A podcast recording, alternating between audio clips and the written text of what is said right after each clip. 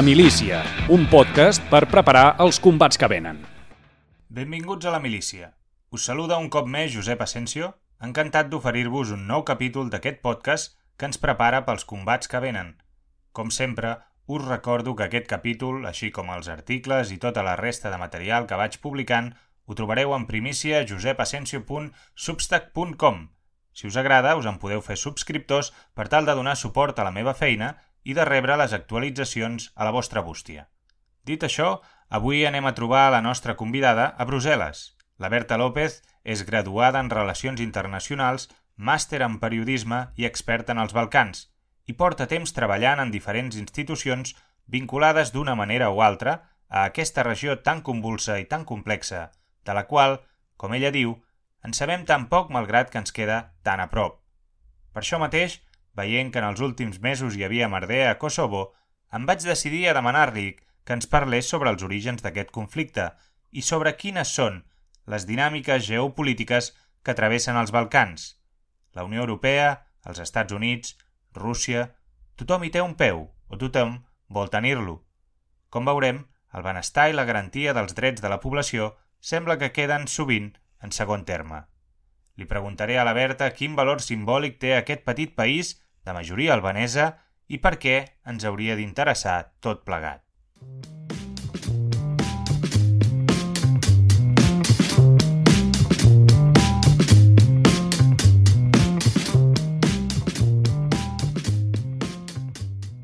Berta, benvinguda a la milícia i gràcies per atendre la meva trucada. Gràcies a tu, un plaer. En primer lloc, abans d'entrar al tema que ens ocupa, eh, m'agradaria que ens expliquessis, eh, per un costat, què t'ha dut a interessar-te pels Balcans, que és mm, el teu, el teu tema d'especialització, per dir-ho així, tot i que bé, ja ens explicaràs que, que també en toques d'altres. I en segon lloc, a, què et dediques actualment? El teu, el teu currículum surten bé, tot el que, la teva trajectòria, el que has, has anat fent, però m'agradaria que ens ho expliquessis als nostres oients perquè, perquè es puguin situar eh, en primer lloc, bueno, eh, per situar-te físicament, eh, dir que estàs a, a Brussel·les i a partir d'aquí anem, anem fent. Eh, començaré per la segona, que em sembla que és més fàcil que la primera. Uh, ara mateix treballo, soc analista política, treballo al, al European Policy Center, que és un, un think tank amb seu a Brussel·les, és un think tank generalista, és a dir, que, que toquem moltíssims uh, temes de política europea. Jo, en el meu cas, m'ocupo de eh, Balcans Occidentals, és a dir, Bòsnia, Sèrbia, Kosovo, Macedònia del Nord, Albània i Montenegro, i de la política d'ampliació de la Unió Europea, és a dir, la, la relació diguem, de la Unió Europea amb aquests països, ara des de l'any passat també amb Ucraïna, eh, a Moldàvia i Geòrgia, però principalment el meu focus eh, són els Balcans. Um, I la primera pregunta és una pregunta que m'han fet molt sovint, que mai sé què respondre perquè, perquè no tinc diguem, una història romàntica o una cosa que em fes uh, interessar-me molt. Va ser un, un procés gradual que va començar quan estava a la universitat. Recordo que el 2017, eh, quan jo estava, sembla que estava fent tercera carrera, eh, es va suïcidar un, un criminal de la guerra croat eh, que va participar a la guerra de Bòsnia i va ser el que, el que va eh, ordenar el, bombarde, el, el bombardeig del, del pont de Mostar i es va suïcidar a la, a la cort de, a, a la Haia durant el, el judici que el, que el, que el declarava culpable. I recordo que això va ser un, un primer fet, diguem... Va l'atenció, no? Et va cridar... Exacte, que em va començar a cridar l'atenció i a partir de llavors doncs, la cosa va anar més. Quan vaig acabar la carrera me'n vaig anar per primera vegada a Croàcia, Bòsnia i Sèrbia. Jo sola, diguem, a viatjar una setmaneta i res, i la cosa va anar més fins que l'any passat vaig estar vivint a Bòsnia uns mesos i, i he anat tornant sovint i, i una mica aquest ha sigut la, diguem, el, el, el procés fins, fins aquí jo t'he cridat, t'he demanat que, que tinguessis el, el, la deferència de participar a la milícia perquè ens expliquis una mica el que està passant a Kosovo, que és un país molt petit, eh, situat allà una mica mm, al mig ben bé tampoc, però allò que en diuen el cor d'Europa, i en el qual eh, últimament, els últims mesos, bé, de fet, ja això ve de molt antic, però tampoc no sé si cal, caldrà que ens remuntem a, a, als anys 90, a la guerra dels Balcans i tot això, això ja ho decidiràs tu, però últimament, els últims mesos, hi està havent, eh, hi està havent, havent conflictes, no sé com, els, no sé com ho valoraries tu el que està passant en aquests últims mesos a, a Kosovo. Llavors, volia que ens expliquessis una mica eh, des del teu punt de vista, doncs, eh, per què, primer de lloc, en primer lloc, eh, per què ens hauríem de fixar en un país tan petit eh, i en, en un racó que a nosaltres ens queda, ens queda una mica lluny, tampoc tant, eh? Ens queda... Però, bueno, això, en primer lloc, per què creus que ens hi hauríem de, hi hauríem de posar l'atenció a Kosovo? Bé, jo crec que és al revés, que està realment molt a prop i que, que en parlem o que, o que tenim un desconeixement general molt gran per lo prop que està. Vull dir, Belgrat està a dues hores d'avió de Barcelona, és, és, és propíssim, diguem. Eh, I bé, tens raó, com bé dius, el, el, el conflicte de Kosovo ve molt enrere. De fet, hi ha un, una dita que és que les guerres de Iugoslàvia, o sigui, de la desintegració de Iugoslàvia, van començar i van acabar a Kosovo perquè el que es considera, diguem, el primer uh, indici de que, bueno, el, no eres el primer, però el primer, diguem, més evident indici de que les coses, diguem, començaven a anar malament és un discurs de Milosevic quan, em sembla que en aquell moment, el 87, era el líder de, del Partit Comunista Serbi, és a dir, si no m'equivoco, encara no era el primer ministre de, de la República de Sèrbia. Uh, en aquell moment ell va, va a Kosovo a fer un discurs molt incendiari, diguem, que, que dona moltes ales al, al nacionalisme serbi, que és una cosa que Milosevic, sempre, uh, Milosevic perdona, Tito, sempre havia intentat apaivagar i d'aquí, diguem, el, per què va ser capaç de mantenir un, un país tan, tan complex eh, junt. És a dir, comença el 87 i acaba, en certa manera, amb el bombardeig de, de l'OTAN a Belgrat arrel de l'escalada uh, del, del conflicte a Kosovo al, al 98 i 99. Eh, és a dir, tal com dius, el conflicte ve, ve de molt enrere, però en aquest últim any hi ha hagut una nova, diguem, escalada de les tensions que eh, comencen, per dir-ho d'una manera, a finals del 2022, és a dir, al, al finals del, de l'any passat, quan, eh, em sembla que és a principis de novembre, el 5 o el 6, tots els funcionaris, diguem, treballadors de, de, ja sigui dels ajuntaments, de la policia, de, del, dels tribunals, del, del sistema judicial, d'ètnia sèrbia que, vivien, que viuen al nord de Kosovo, abandonen les seves posicions a la a, estructura administrativa kosovar. Per posar una mica de context, a Kosovo, tal com és ara, que era, havia sigut una, una província de Sèrbia fins al 2008, quan eh, declaren l'independència, eh, és de majoria albanesa, ètnicament, la majoria dels ciutadans de Kosovo són d'ètnia albanesa, però al nord hi ha eh, quatre grans municipis, després hi ha més gent, però principalment en quatre municipis, la majoria dels ciutadans són serbis. Eh, llavors, és a dir, és, és, aquest, és la gent d'aquests quatre municipis, el, el més conegut és, és Nord Mitrovica, que segurament a la gent potser li pot sonar pel tema del pont, eh, una ciutat que està dividida entre la comunitat albanesa i Sèrbia, etc etc. Eh, I això, a finals de l'any passat, els, els, els treballadors públics eh, abandonen a les, seves, les, les posicions a l'administració kosovar en protesta d'una decisió del govern de Kosovo, del govern de, de Pristina, de començar a posar multes a la gent que circuli amb matrícules sèrbies. Que això, per molt que sembli potser una tonteria, -huh. ha, ha sigut un, una qüestió que ha generat conflictes des del 2021. Vull dir, des del 2021 que el aquesta qüestió... El, el tema de les matrícules dels cotxes. Exacte, el tema de les matrícules. És a dir, que uh, prohibir que, que els conductors d'ètnia sèrbia que viuen dins, o sigui, els kosovo serbs, eh, condueixin amb matrícules eh, sèrbies. Això ja el 2021 havia eh, comportat la, el fre o sí, la parada de, de, del procés de, de negociació mediat per la Unió Europea entre Kosovo i Sèrbia, que suposo que després ja, ja ens posarem amb el tema Unió Europea, això, uh, tornant al, al novembre, uh, s'abandonen les posicions de l'administració pública i comença una escalada de tensions, amb barricades als carrers, tallada, tallant la, la frontera o el que Sèrbia diu la línia divisòria en la línia administrativa entre Kosovo i Sèrbia i ha arribat al punt de que uh, Sèrbia posa l'exèrcit amb el uh, màxim alerta de combat, suposo que es deu eh, traduir en català, cosa que es llegeix com una escalada de les tensions, o sigui, com una, com una amenaça per part, de, per part de Pristina, per part de Kosovo. En aquest moment, la Unió Europea decideix tornar, diguem, a intentar rellançar el diàleg, que, com he dit, des del 2021 portava, estava, diguem, congelat, amb una nova proposta de eh, rellançament de les negociacions proposada o posada sobre la taula per part de França i Alemanya. Llavors, al febrer, eh, la Unió Europea eh, reuneix, es reuneix amb Albin Kurti, que és el primer ministre de Kosovo, i Aleksandar Vucic, que és el, el president de Sèrbia. Se'ls posa sobre la taula aquesta proposta. Eh, amb dos líders l'accepten, la, diguem, però Sèrbia es nega a signar-la. Per què? Ja hi anirem després amb això, potser.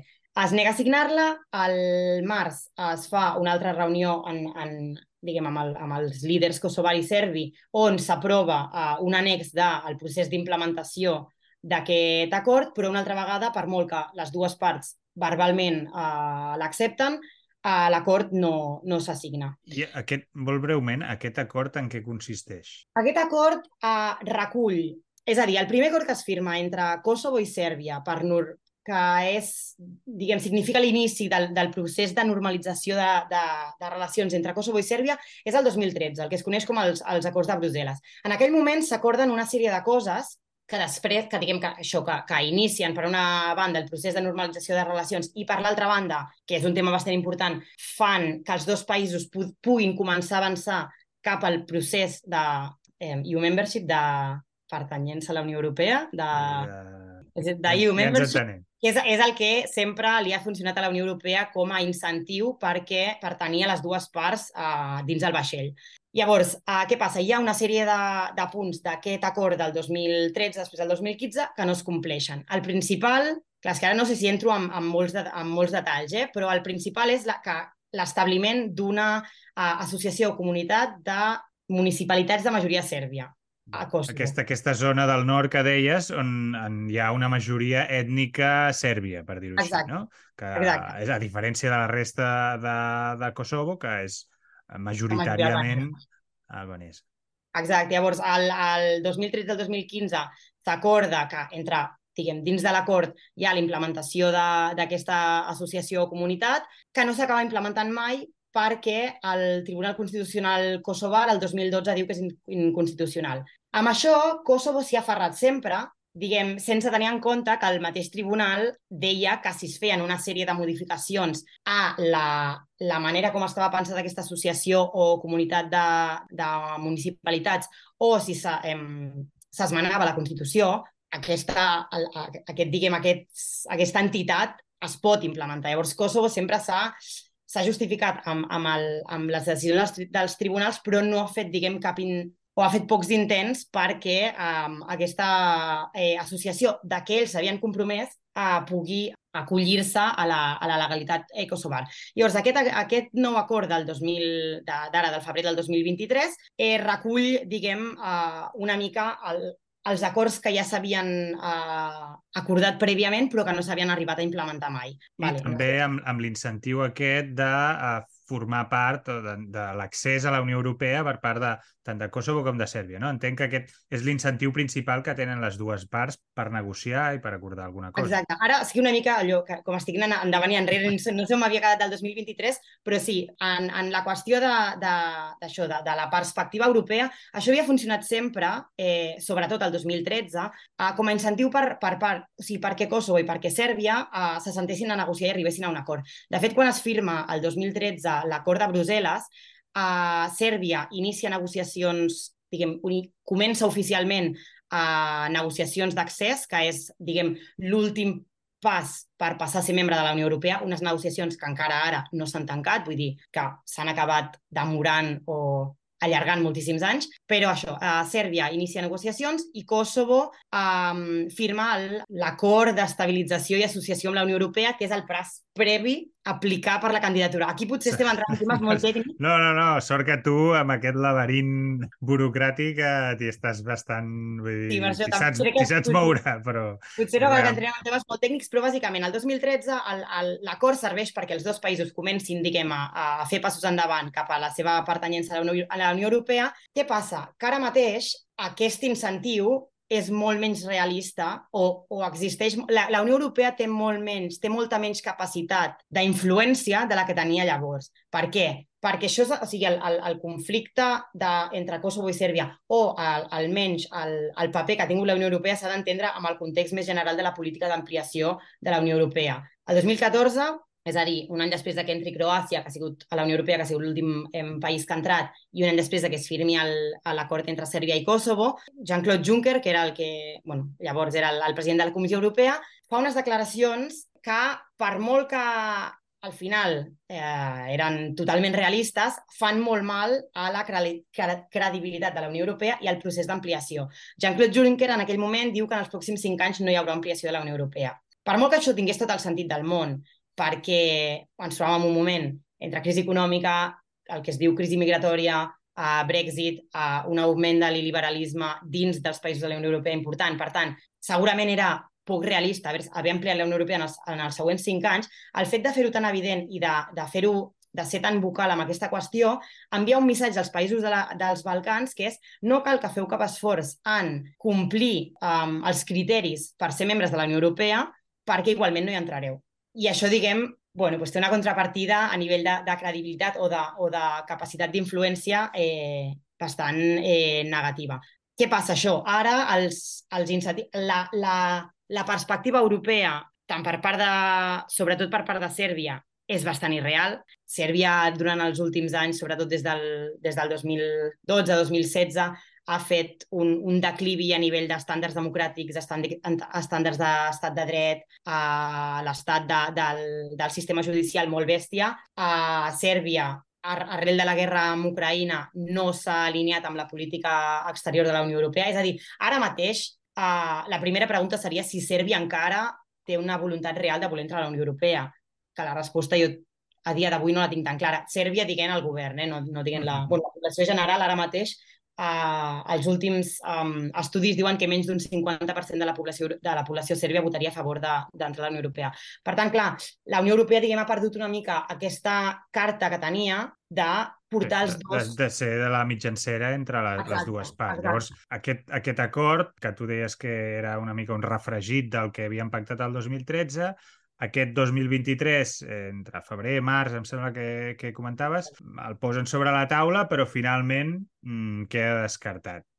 I llavors, eh, crec que és a l'abril o al maig, hi ha eleccions, no? I, sí. i aquestes eleccions, eh, les poblacions aquestes que diem del nord, que són de majoria sèrbia, fan un boicot actiu i no van a votar. No? I aquí es genera un altre punt de un sobreescalfament de, de les tensions que ja venien no? Això és com el meme aquell de un que tira una fitxa no? i acaba, és a dir, de, de, de les matrícules de cotxe, clar que, que en aquest cas el meme hauria de venir, però de les matrícules de cotxe passem a uh, un, a l'exèrcit a la frontera de l'exèrcit serbi a la frontera de Kosovo, no? Una mica vindria a ser això Explica'ns el, el tema aquest de, de les eleccions, si de cas. Uh, això, exacte. Uh, Febrer-març uh, hi ha el tema de l'acord, que, que verbalment, diguem, s'accepta, però no s'acaba eh, signant. I el 23 d'abril hi han eleccions anticipades o eleccions extres, bueno, extres, sí, extraordinàries, a les quatre municipalitats de, del, nord de Kos, del nord de Kosovo que són de majoria eh, sèrbia.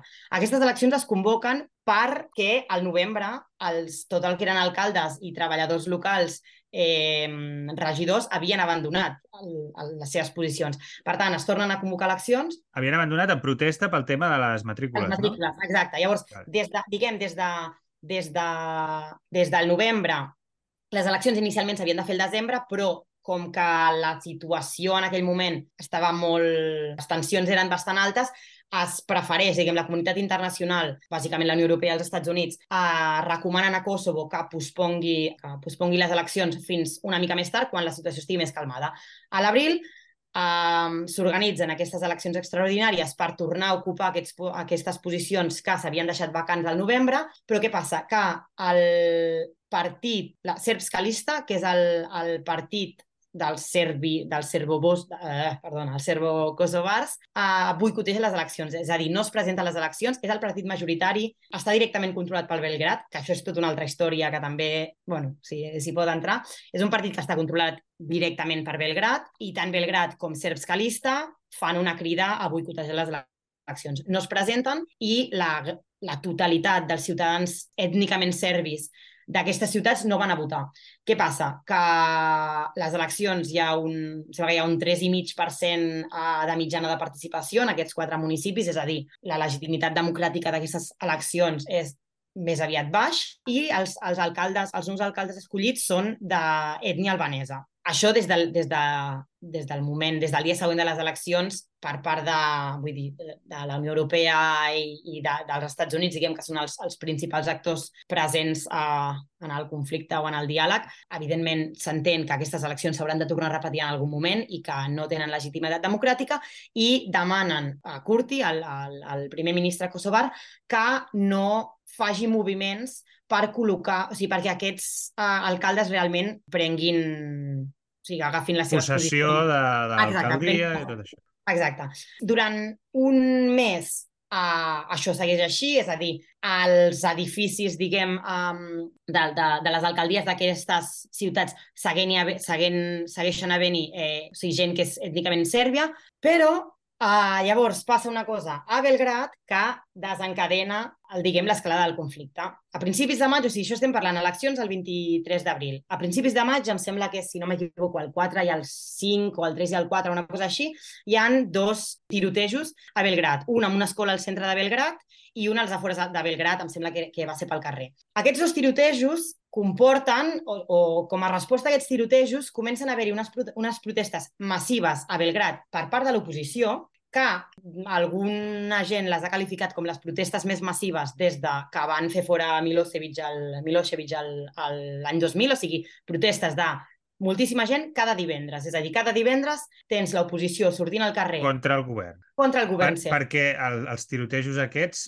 podem explicar breument, vull dir, que, que, quina naturalesa són? És a dir, és un lloc solitari que Sembla que sí, és a dir, el, el primer és un, un noi bastant jove que em sembla que, si no m'equivoco, després del tiroteig es suïcida, que se'n va a una escola al centre de Belgrat. Diria que és on anava ell, però aquí, vull dir, mm, parlo una mica de memòria.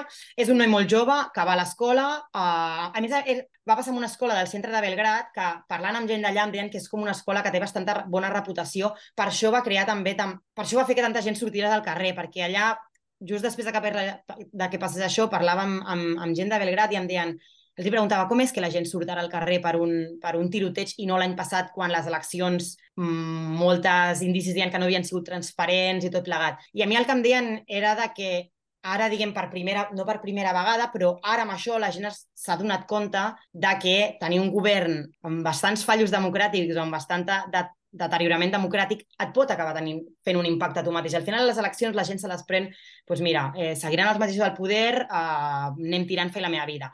Aquest tiroteig fa que la gent, diguem una mica, eh, canvi el xip i això. I, eh, i com a resposta al, al, als, dos, als dos tirotejos, comencen a haver-hi una sèrie de manifestacions cada divendres. A finals de... Això passa a principis de maig. Al cap de dues o tres setmanes, Vucic, el president de, de Sèrbia, organitza una protesta, una manifestació en el seu favor, a, a les afores de, de Belgrat. Què passa? Que per, per demostrar, diguem, per fer una demostració de força, fa pujar a, a tots els, o, o gran part dels serbs, el, dels serbis que viuen a Kosovo perquè participin en aquestes eh, manifestacions. De fet, es veien busos amb, amb matrícula kosovar, vull dir que per, havia, havia fins i tot... Eh, això, això em sona una mica, eh? Això em sona una mica. busos, vull dir que va ser una imatge una mica allò, eh, bueno, surreal, diguem, eh, busos amb matrícula kosovar portant a gent cap a la manifestació a, a les afores de Belgrat. I què passa? Kosovo se n'aprofita, Curti, dic Curti sempre perquè al final bueno, és el, el, el primer ministre, diguem, el, el, la cara visible de tot això, se n'aprofita del que està passant, de la crisi interna que està tenint lloc a, a Sèrbia, a Belgrat, per fer que el, els, els alcaldes escollits a l'abril... Eh, eh, amb un 3,5%, deies, no? Correcte, un 3,5% de mitjana, vull dir, en algun dels llocs era un 4, en algun dels llocs un 0, com a algú.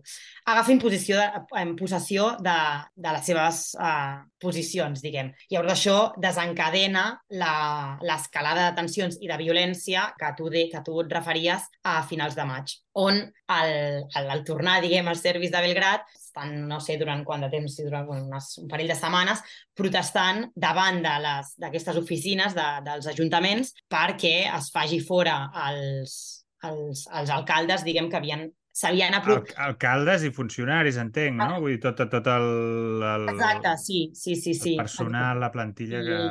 Vull dir, una cosa simbòlica s'havia canviat en aquells edificis, en aquells edificis no hi, no hi onejava la bandera, la bandera kosovar i havien aprofitat per canviar-la, que són coses simbòliques que poden semblar una tonteria, al igual que les, les matrícules, però clar, s'ha d'entendre també que, és que aquí també me n'estic anant cap a una altra banda i no, no, em vull, no em vull allò desviar molt, però que els serbis de Kosovo se senten discriminats per part, de, per part del govern de Kosovo. És a dir, el, Albin Kurti, des de que entra el govern el 2021, escala molt la retòrica, és a dir, es refereix sempre al, al, als, als serbis del nord de Kosovo com a eh, feixis, eh, milícies feixistes, vull dir, escala, diguem, bastant yeah. el, el vocabulari la retòrica, i al final el que passa és que la, la població sèrbia del nord de Kosovo acaba sent la moneda de canvi entre Belgrat i Pristina. Vull dir, tu tens a uh, Belgrat i Pristina amb, amb un conflicte de de reconeixement, eh, que són les dues parts que estan involucrades en el, en el diàleg amb, amb la Unió Europea,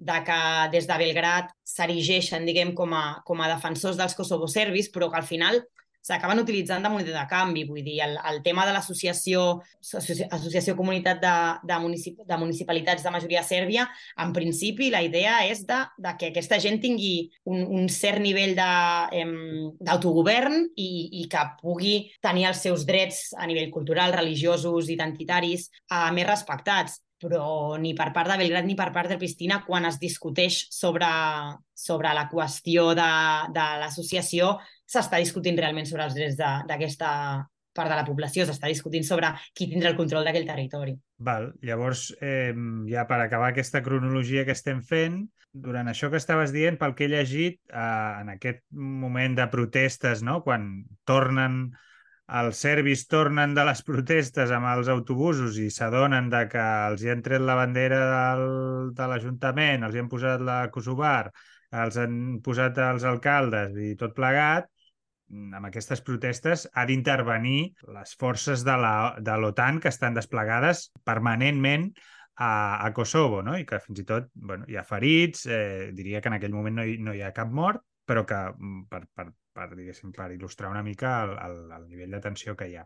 I llavors, eh, crec que ja, en no sé si durant l'estiu, no sé si ja continua aquesta, aquesta situació i crec que ja al setembre, no fa massa, és quan, diguéssim, arriba el pic eh, fins ara, el pic de, de, de violència, que és quan hi ha una, una mort, no? Vull dir, quan hi ha això, si, si expliquem breument això, si tu ens ho pots explicar, ja diguéssim, cronològicament ja haurem tancat i podem aprofundir en, en les raons de fons i tot plegat. Exacte, sí. La, la, la policia, la, la KFOR, és a dir, la, el, el desplegament és un desplegament, diguem, de missió de pau liderat per l'OTAN en el que hi participen a uh, diferents països. La, la KFOR està allà des del 99, vull dir, és una cosa que hi ha per part de Sèrbia també, la, la presència... Vull dir que no sembli que l'OTAN té tropes a, a, a Kosovo perquè perquè no és el cas, però sí que té aquesta mena de policia que s'encarrega de vetllar perquè no esclati un, un conflicte.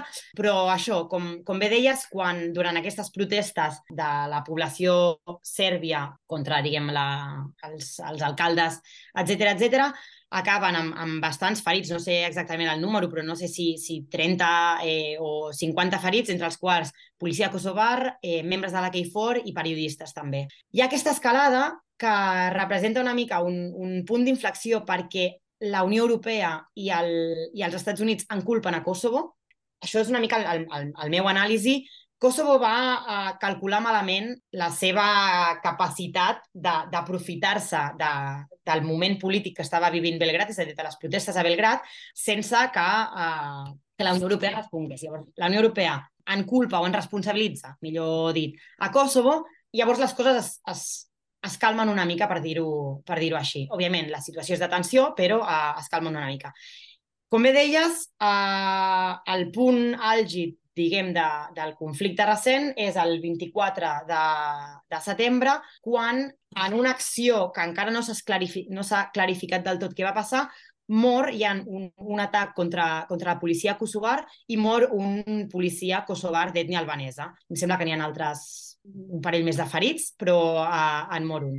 Uh, això passa el dia 24. Inicialment, tothom, en, en, o sigui, ningú en, en reconeix l'autoria, però molt ràpid, em sembla que és el dia següent o al cap d'un parell de dies, el govern kosovar publica un vídeo on eh, es veu clarament que part de, del grup que havia organitzat l'atac, que s'estava amagant amb un, amb un estiu ortodox al nord de Kosovo, el, líder, el líder, un dels, que, dels del grup, és un dels líders de Serbs Kalista, que és aquest partit que deia abans que és el, el, pràcticament l'únic partit que existeix entre els um, serbo-kosovars. Clar, que hi hagi un dels líders de Serbs Kalista com a um, un dels organitzadors de l'atac fa pensar immediatament que darrere d'aquest atac hi ha Belgrat, és a dir, Sèrbia. Sèrbia n'ha, és a dir, ho ha negat, eh, el Milan, em sembla que es diu Milan Radojcic, Uh, també el, el, el líder aquest de Serbs Kalisa també um, as, assumeix diguem, la seva participació en l'atac però nega des del minut 1 la participació de Belgrat, és a dir, nega des del minut 1 que li hagin donat ordre, eh, ordres des, de, des del govern serbi i també nega que el seu partit, que Serbs Kalista, ho sabés, és a dir, una mica oferint-se ell com a cap de turc. Kosovo, evidentment, acusa Sèrbia, Sèrbia nega a eh, qualsevol responsabilitat, els fets no s'han esclarit, ara el que bastanta gent, diguem, experts més en temes militars o en temes armamentístics posaven, posaven de manifest era que la quantitat d'armes que s'havien trobat i el tipus d'armes difícilment eh, els havien vull dir, fabricat els, eh, la comunitat eh, serbo-kosovar serbo i que això havia de venir d'algun lloc. En aquest sentit, els interrogats, vull dir, encara hi ha eh, els interrogants, diguem, encara hi són. Jo, diguem, no em vull uh, aventurar a fer um, especulacions sense, sense fonaments, però bé, és estrany, diguem, o, o, o és preocupant que, que això, que un dels líders de Serbs Calista estigués darrere d'aquest atac. I sí, una mica més o menys, aquest és, han sigut els últims eh, desenvolupaments o, o episodis. Val. I llavors, bueno, això que deia mmm, que havia vist en algun lloc, que realment que, no sé si era perquè es tractava de maniobres de eh, exercicis eh, militars o alguna així, eh, que eh, una part de l'exèrcit serbi estava disposat a, a, molt a prop de la frontera amb, amb Kosovo. I això Correcte. és una situació que, que es manté així des de no fa massa, tampoc, no? Ah, sí, perquè a l'estiu m'he oblidat una cosa que és mm, important, diguem, un, un dels episodis de l'estiu, que és que a l'estiu a la policia sèrbia, em sembla que és el juny, sí, cap allà al juny, a la policia sèrbia deté durant dues o tres setmanes a tres policies kosovars.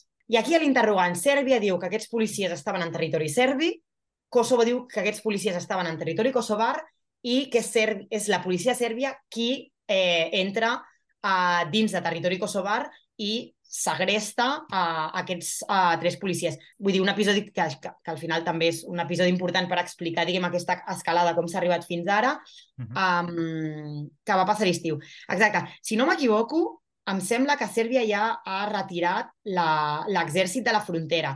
Però, però sí, evidentment, uh, cada vegada diguem que, que Sèrbia posa la, l'exèrcit en, això, en, en, en alerta de combat o apropa l'exèrcit cap a la frontera, això per part de Kosovo es veu com, un, com, com, com una amenaça, diguem, a la seva integritat, a la seva seguretat. Val, bé, doncs hem fet una mica...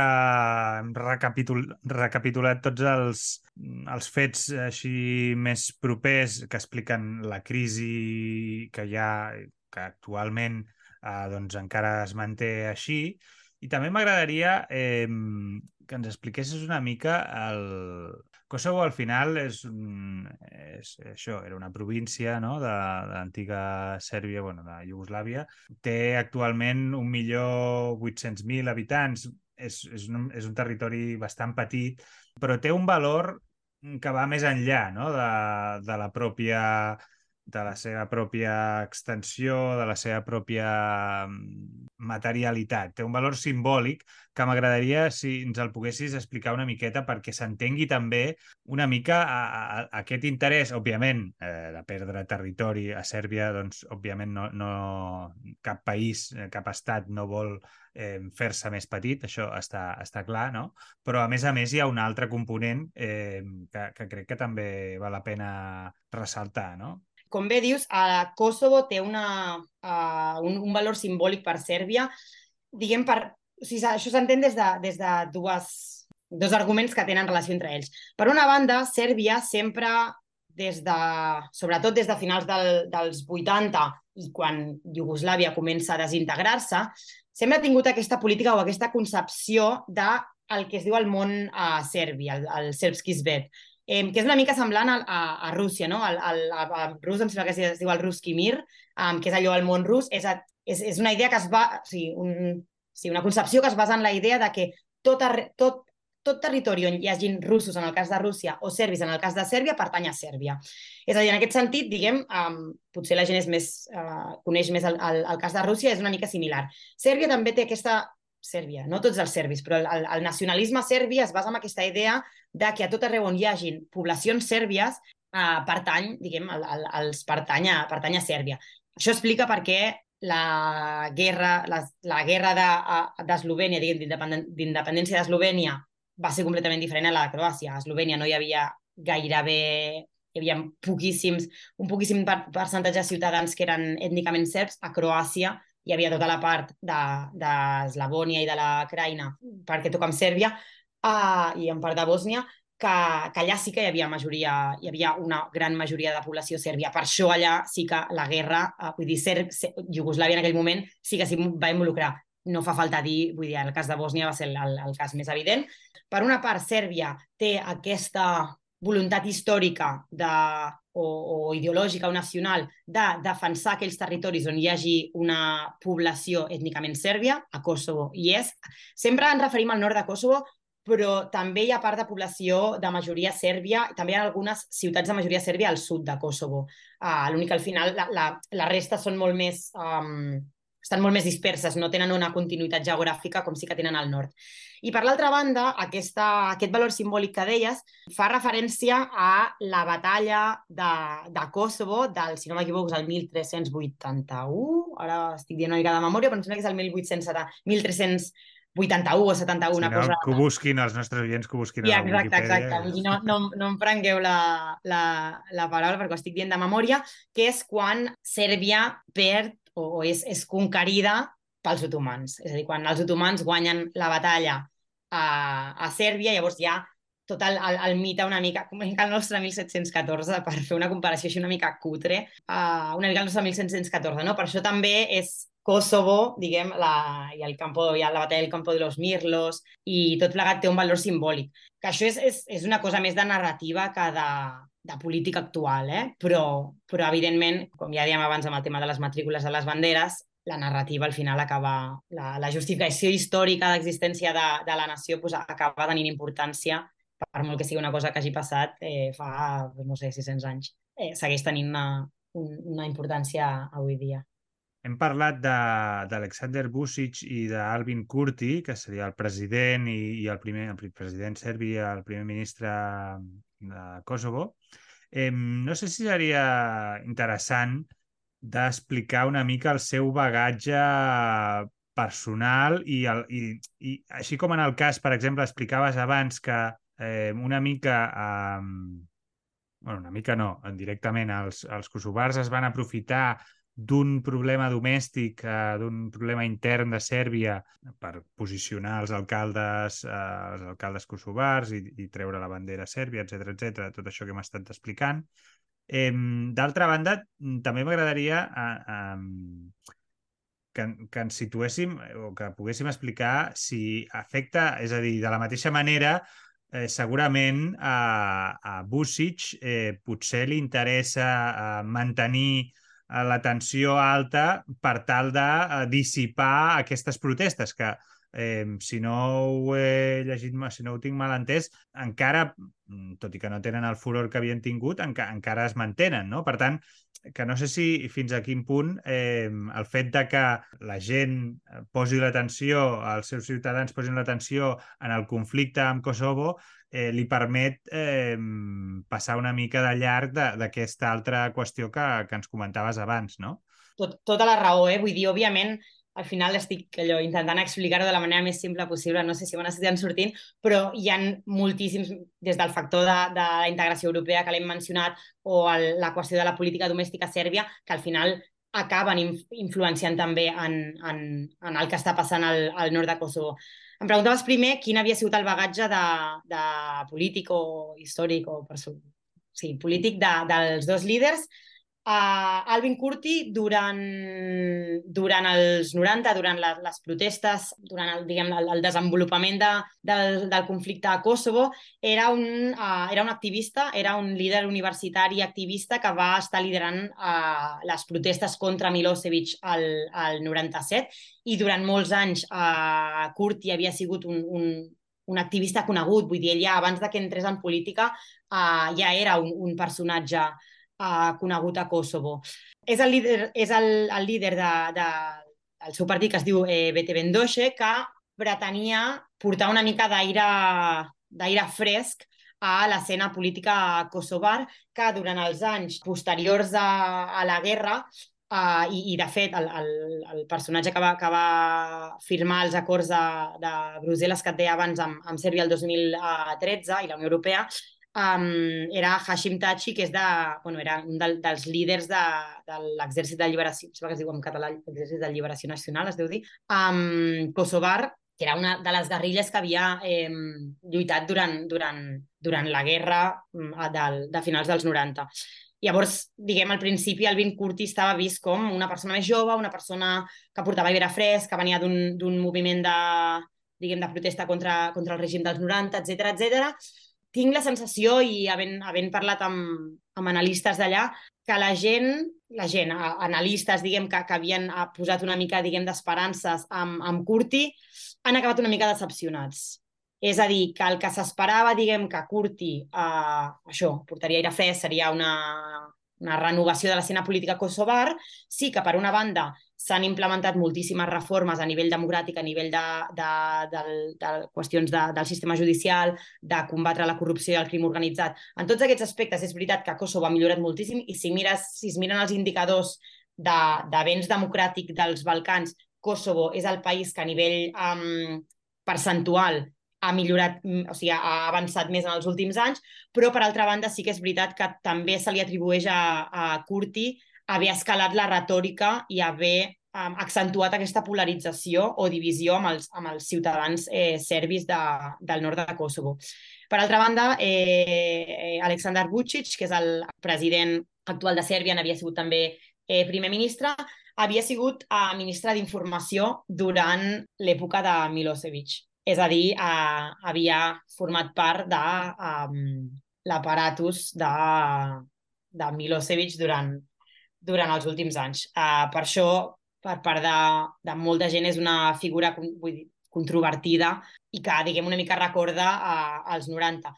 El, el que et deia, eh? aquí hi ha moltes coses que, que, que podríem allò endinsar-nos en molts temes. Un d'ells és, és el, el, el declivi que ha fet Sèrbia en els últims anys, en contrast, diguem, a, a, als inicis dels 2000, no? quan es va fer es fa fora Milosevic al, al, al 2000 amb unes grans protestes, hi ha molta esperança de que Sèrbia es transformi en un país uh, democràtic. Uh, els primers anys sembla que, que s'avança bé, però el 2003 s'assassinen el, el que era llavors primer ministre Zoran Djindjic. Uh, fins al 2008 sembla que, que igualment uh, Sèrbia diguem, avança en bon camí uh, fins que el 2012 Vucic guanya les eleccions en aquell moment com a primer ministre, el que fins llavors havia sigut el primer ministre, que era Boris eh, Tadic, que estava vist com una persona bastant propera no, a, a la Unió Europea, bastant proeuropea, etc etc.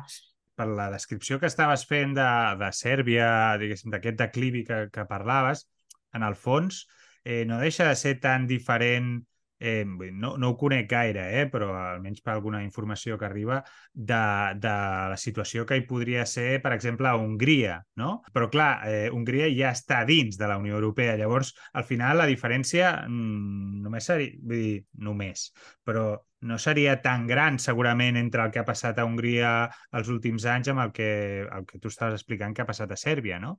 Però els estàndards diguéssim, vull dir, a, la Unió Europea no l'ha no fet pas fora, a, a Hongria, saps el que vull dir? Que al final eh, també és una qüestió que, que potser els estàndards que requereixen per entrar a la Unió Europea és, un cop entres eh, ja no bueno, no dic que no s'hagin de mantenir perquè hi ha hagut les seves disputes i, i amb Hongria doncs, eh, vull dir, segueixen havent-hi sancions i, i bueno, tu saps millor que jo, però, però tot i així eh, està dins, no? Vull dir que no, no ha marxat pas ni, ni l'han fet fora. Exacte. bueno, de, de fet, vull dir, el, el, ara estàs obrint un altre meló que ens hi podríem estar tres hores més, però té tota la raó. De fet, el, el, el cas d'Hongria i Víctor, Víctor Orbán ha obert un debat que, que encara no està tancat i que bueno, és un debat que, que, que diguem, s'està prenent en sèrio o que, que s'ha d'abordar realment, que és com la Unió Europea s'ha trobat amb que no té mecanismes, o sigui, té la, la política d'ampliació de la Unió Europea que serveix per propiciar o per incentivar aquestes reformes, eh, sobretot en tema d'estat de dret, de, de, de estàndards democràtics, als països que en són candidats o precandidats o candidats potencials, que es diu, però s'ha trobat la Unió Europea, amb el cas d'Hongria, de que no té mecanismes per eh, castigar el, els països que un cop ja dins de la Unió Europea no compleixen amb aquests estàndards. I per això, anant amb una, una cosa que et comentava al principi de tot, de quan hem començat a parlar, per això va haver un moment on la Unió Europea es va plantejar, eh, o el, el discurs imparant a la Unió Europea i fins a, vull dir, sent uh, realistes fins a l'inici de, de la invasió de la invasió d'Ucraïna per part de Rússia l'any passat, que per part de la Unió Europea no l'ampliació ja no es tenia en compte o era una cosa que estava bastant, bastant, bastant fora de la taula durant molts anys perquè es, es volia, la, la narrativa o l'argument era aquest, era de dir primer anem a, a solucionar... Endreçar, endreçar la casa, no? Que Exacte, sí, no, sé, no sabia com dir-ho per dir-ho d'una manera eh, polite, però vull dir, la Unió Europea, l'argument durant molts anys va ser aquest, de dir, tenim prou problemes interns entre el Brexit i sobretot això, el que deies, el, el, el, el deteriorament democràtic per part d'Hongria, ja tenim prou problemes, anem a mirar primer com solucionem això i com fem, perquè la Unió Europea ara té claríssim això, de s'ha d'evitar que entrin països que suposin després un risc a, a nivell democràtic o que, o que un país que, de, dels que entri nous pugui, diguem, deteriorar el, el, els estàndards democràtics de la Unió Europea des de, des de dins. I la qüestió d'Hongria és molt interessant perquè Hongria en el, els últims anys, eh, sobretot bueno, des de que arriba eh, Orbán al poder el 2010, però sobretot també eh, diguem, més tard, quan Vucic passa a ser president a Sèrbia, Milorad Dodik a la República Sèrbska, que és l'entitat de majoria sèrbia dins de Bòsnia, Um, Orban incrementa moltíssim la seva presència als Balcans. Vull dir, et dic, ara estic obrint un altre meló, que si no vols que, que, que l'obrim, ho deixem aquí. Però només per allò, una pinzellada, incrementa moltíssim la seva, um, la seva presència als Balcans i um, enforteix moltíssim la seva relació amb uh, Vucic per una banda i amb Milorad Dodik, que és l'actual eh, president de, de la República Sèrbska per l'altra. Això li serveix amb ell vull dir, per qüestions econòmiques i per altres qüestions estratègiques, amb, amb qüestió de, de subministraments energètics i, i tal, però també per uh, dir-li a la Unió Europea uh, vigila perquè soc, jo sóc capaç de donar suport a aquesta gent, sóc capaç de desestabilitzar o de, no directament de desestabilitzar la regió, però sóc capaç de uh, impedir que la Unió Europea prengui mesures contra aquests líders que emprenen polítiques diguem, il·liberals o poc democràtiques. És a dir, un dels clars exemples és amb, amb, amb Dodik, amb aquest, uh, el, el que et deia president de la República Sèrbska, cada cop que hi ha hagut una escalada de la seva retòrica, o sigui, escalada secessionista de la seva retòrica de, diguem, uh, anar-se'n de les institucions uh, centrals uh, bòsnies, ara fa poc, en els últims mesos, han aprovat una sèrie de, de lleis o resolucions que diuen que no eh, reconeixen l'autoritat de la Cort eh, Constitucional Bòsnia, etc etc. Cada cop que hi ha hagut una escalada de, de, de la retòrica o de les accions per part de Milorad Dodik, Víctor Orbán ha saltat eh, en defensa seva rapidíssim, uh, dient que uh, bloquejarà qualsevol uh, intent de la Unió Europea d'imposar sancions, qualsevol uh, intent de la Unió Europea d'intervenir en aquest sentit. Per tant, sí, tota la raó. Vull dir, el fet de que dins de la Unió Europea hi hagi un país que, que hagi agafat aquesta deriva no ajuda gens amb, el, amb la capacitat que, que té Brussel·les, diguem, per, per, per influir a, a la regió i per revertir aquestes derives poc democràtiques, per dir-ho d'una forma resumida.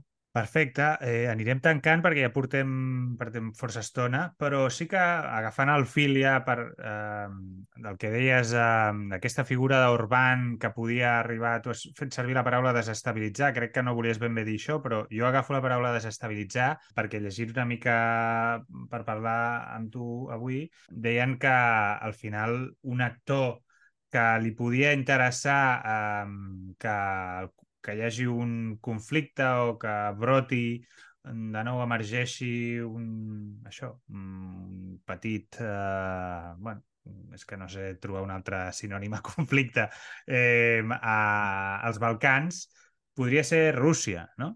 que té totes les mirades enfocades a ella, a la seva guerra amb Ucraïna, i que, per tant, doncs, li podia afavorir que Europa doncs, es distragués amb altres coses. No? Això, vull dir, és aquest tipus de... Al final això també omple molts articles, no? Vull dir, diguem que no se sap ben bé dir, fins a quin punt és cert o no. Però agafant això també i seguint això, eh, al final tenim una mica que Rússia seria més, eh, donaria més suport o estaria més donant no sabem exactament quin tipus de, de, de, de suport, però estaria a l'esquena de Sèrbia i al canvi tenim que el gran balador, el gran padrí de Kosovo ha sigut, han sigut els Estats Units, que és, va ser un dels primers països en, en reconèixer el, uh, com a, en reconèixer la seva independència i que, per tant, aquí Uh, hi podria haver també una altra fórmula d'allò que hem sentit amb tants altres eh, racons del planeta, que és una, bueno, un proxy d'un conflicte més gran eh, a través d'aquesta disputa entre Kosovo, Kosovo i, i Sèrbia. No sé si em compres tot, en part, eh, tens matisos a fer-hi i, i ja, així ja tancaríem la conversa amb això. Sí, sí, no, eh, eh, totalment. I, i d'això Sèrbia se n'aprofita. És a dir, de... Sèrbia, Sèrbia i Rússia sempre han tingut uh, una relació, o sigui, sempre, en els últims, diguem, des del 99, per posar, diguem, un, un inici, una relació d'interès mutu. Rússia suposa el bombardejament de, de l'OTAN al 99 de, de Sèrbia i passa, diguem, a erigir-se en, en certa manera com una mica el que deies tu, no? bueno, el, el defensor o, o passa una mica a, a, el bàndol serbi, per posar-ho així de blanc i negre, que òbviament les coses no són blanc i negres ni hi ha uns bàndols tan clars, eh, que fins llavors Rússia havia estat al costat dels Estats Units. Vull dir, durant la guerra de Bòsnia, durant el, el, la negociació dels acords de, de Dayton que posen final a la guerra de Bòsnia el 95, Rússia estava al costat dels Estats Units, de, de, del que es diu el Quint, de, del Contact Group d'Itàlia, França, Estats Units, UK i, um, i Rússia. És a dir, fins llavors, uh, Rússia havia seguit la, la política um, occidental en relació als Balcans. El 99 uh, suposa, i això llavors es passa, diguem, una mica a, a ser el, el, a fer, a, a fer de, de, protegir, de protegir els interessos de Sèrbia. Llavors, per què et dic que, que és un, un interès, diguem, um, mutu entre Belgrat i Moscou? Belgrat uh, s'apoya en el suport o en la diplomàcia russa pel que fa a la, a la, a la qüestió kosovar, és a dir, Rússia a les Nacions Unides bloqueja, com a membre del, del Consell de Seguretat, bloqueja qualsevol uh, qüestió que tingui a veure amb Kosovo, és a dir, tenint Rússia al costat, Sèrbia s'assegura de que Kosovo, tal com estan les coses, diguem, a dia d'avui, per tal com funciona el, el sistema de Nacions Unides, no passi a formar mai part de les Nacions Unides i sigui sense, sense ser reconegut per la meitat dels estats del món, gairebé. Em sembla que una mica més el reconeixen, però més o menys està a uh, 50-50. Um, I, per altra banda, Rússia s'aprofita o, o es beneficia de tenir un agent desestabilitzador a la frontera amb la Unió Europea. És a dir, Rússia pot utilitzar això com de dir, vigileu, vigileu, que tinc un, una, un, un, un aliat a, a, aquí a, molt a prop vostre, és a dir, calma, i Sèrbia a la vegada es beneficia de Moscou. Uh, què passa? Sèrbia ha estat, durant molts anys, ha, ha sapigut jugar aquest doble paper, no? això d'estar eh, uh, jugant a dos bandes entre, en certa manera, de manera beneficiària, ningú li havia cridat l'atenció, és a dir, la Unió Europea no li havia cridat l'atenció, perquè al final, bueno, d'Alemanya fins a que va esclatar la guerra també, vull dir, bueno, i Europa en general rebíem el, el, el, el gas de, de Rússia, vull dir, Europa seguia tenint bones relacions amb Rússia, per tant, això no cridava l'atenció, i Sèrbia se n'havia aprofitat sempre perquè això s'aprofitava de la diplomàcia russa, però per altra banda, dos terços del comerç eh, serbi és amb la Unió Europea, vull dir, Sèrbia no té tampoc cap interès en tallar del tot els, els vincles amb, amb la Unió Europea. Ah, què passa? Quan comença la guerra a Ucraïna, o la, comença la guerra a gran escala a Ucraïna l'any pass passat, ah, això passa a ser un problema. Una cosa que fins llavors mm, a ningú li havia importat massa, passa a ser un problema. Llavors la Unió Europea sí que, per una banda, incrementa la pressió amb Sèrbia perquè triï, és a dir, de dir, o, o te'n vas cap a Rússia... O amb ells o amb nosaltres. O amb ells o amb nosaltres, però, uh, paradoxalment, per l'altra banda, Sèrbia utilitza el conflicte a Ucraïna i la por de la Unió Europea cap a Rússia per... Això també li dona a ell un cert poder negociador, no? de dir, vigila que si no em dones les concessions que demano, jo sóc capaç de desestabilitzar la regió sencera. Tenint en compte perquè això, perquè Sèrbia doncs té, hi ha ètnics, eh, gent que és d'ètnia sèrbia a, a Bòsnia, a Montenegro, a, eh, i a Kosovo sobretot. Per tant, aquesta carta diguem l'ha estat utilitzant també a Sèrbia en els últims mesos i per això segurament la Unió Europea no ha sigut tan, tan contundent amb Sèrbia com hagués sigut en un altre moment, possiblement. I per, bueno, per, per acabar el, el que mencionaves d'Hongria, sí, he dit desestabilitzador, sí, bueno, no, no sé si seria la paraula més, més um, ajustada, però sí, de fet, a Hongria Orbán s'ha erigit com a una mica com interlocutor, com la persona que és capaç de parlar amb aquests dos líders tirant cap a autoritaris, Dodik i, i Vucic, i de dir-li a la Unió Europea um, jo sóc la persona, vull dir, a vosaltres no us fan cas, jo sóc la persona que puc venir aquí i, i arribar a acords. De fet, allò que deia abans durant la, la conversa de que van segrestar o detenir a tres policies kosovars en territori, no està clar si era en territori serbi o, o kosovar, eh, Sèrbia va acceptar, els va alliberar perquè Orbán li va demanar Vucic. O com a mínim Orbán es va... Eh, penjar la medalla.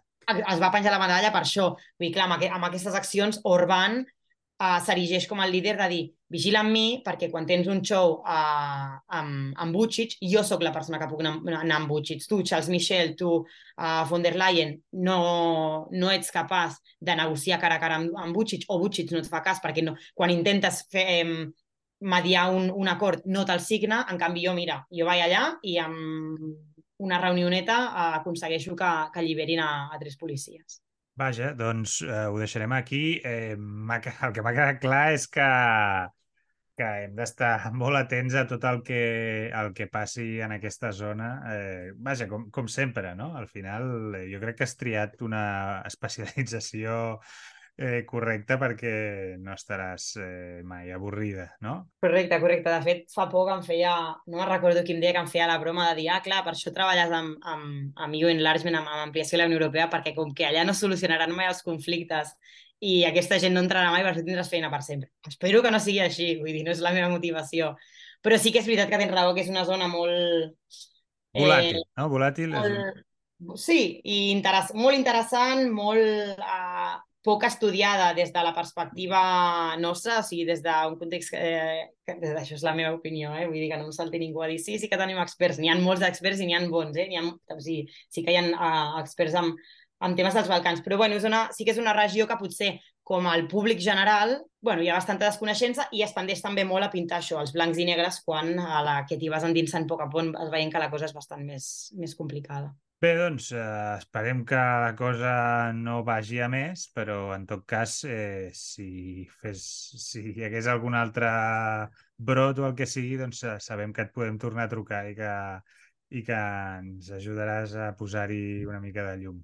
Moltes gràcies, Berta, i fins a la propera. Moltes gràcies a tu. I als oients també, eh, que vagi bé i fins al proper capítol.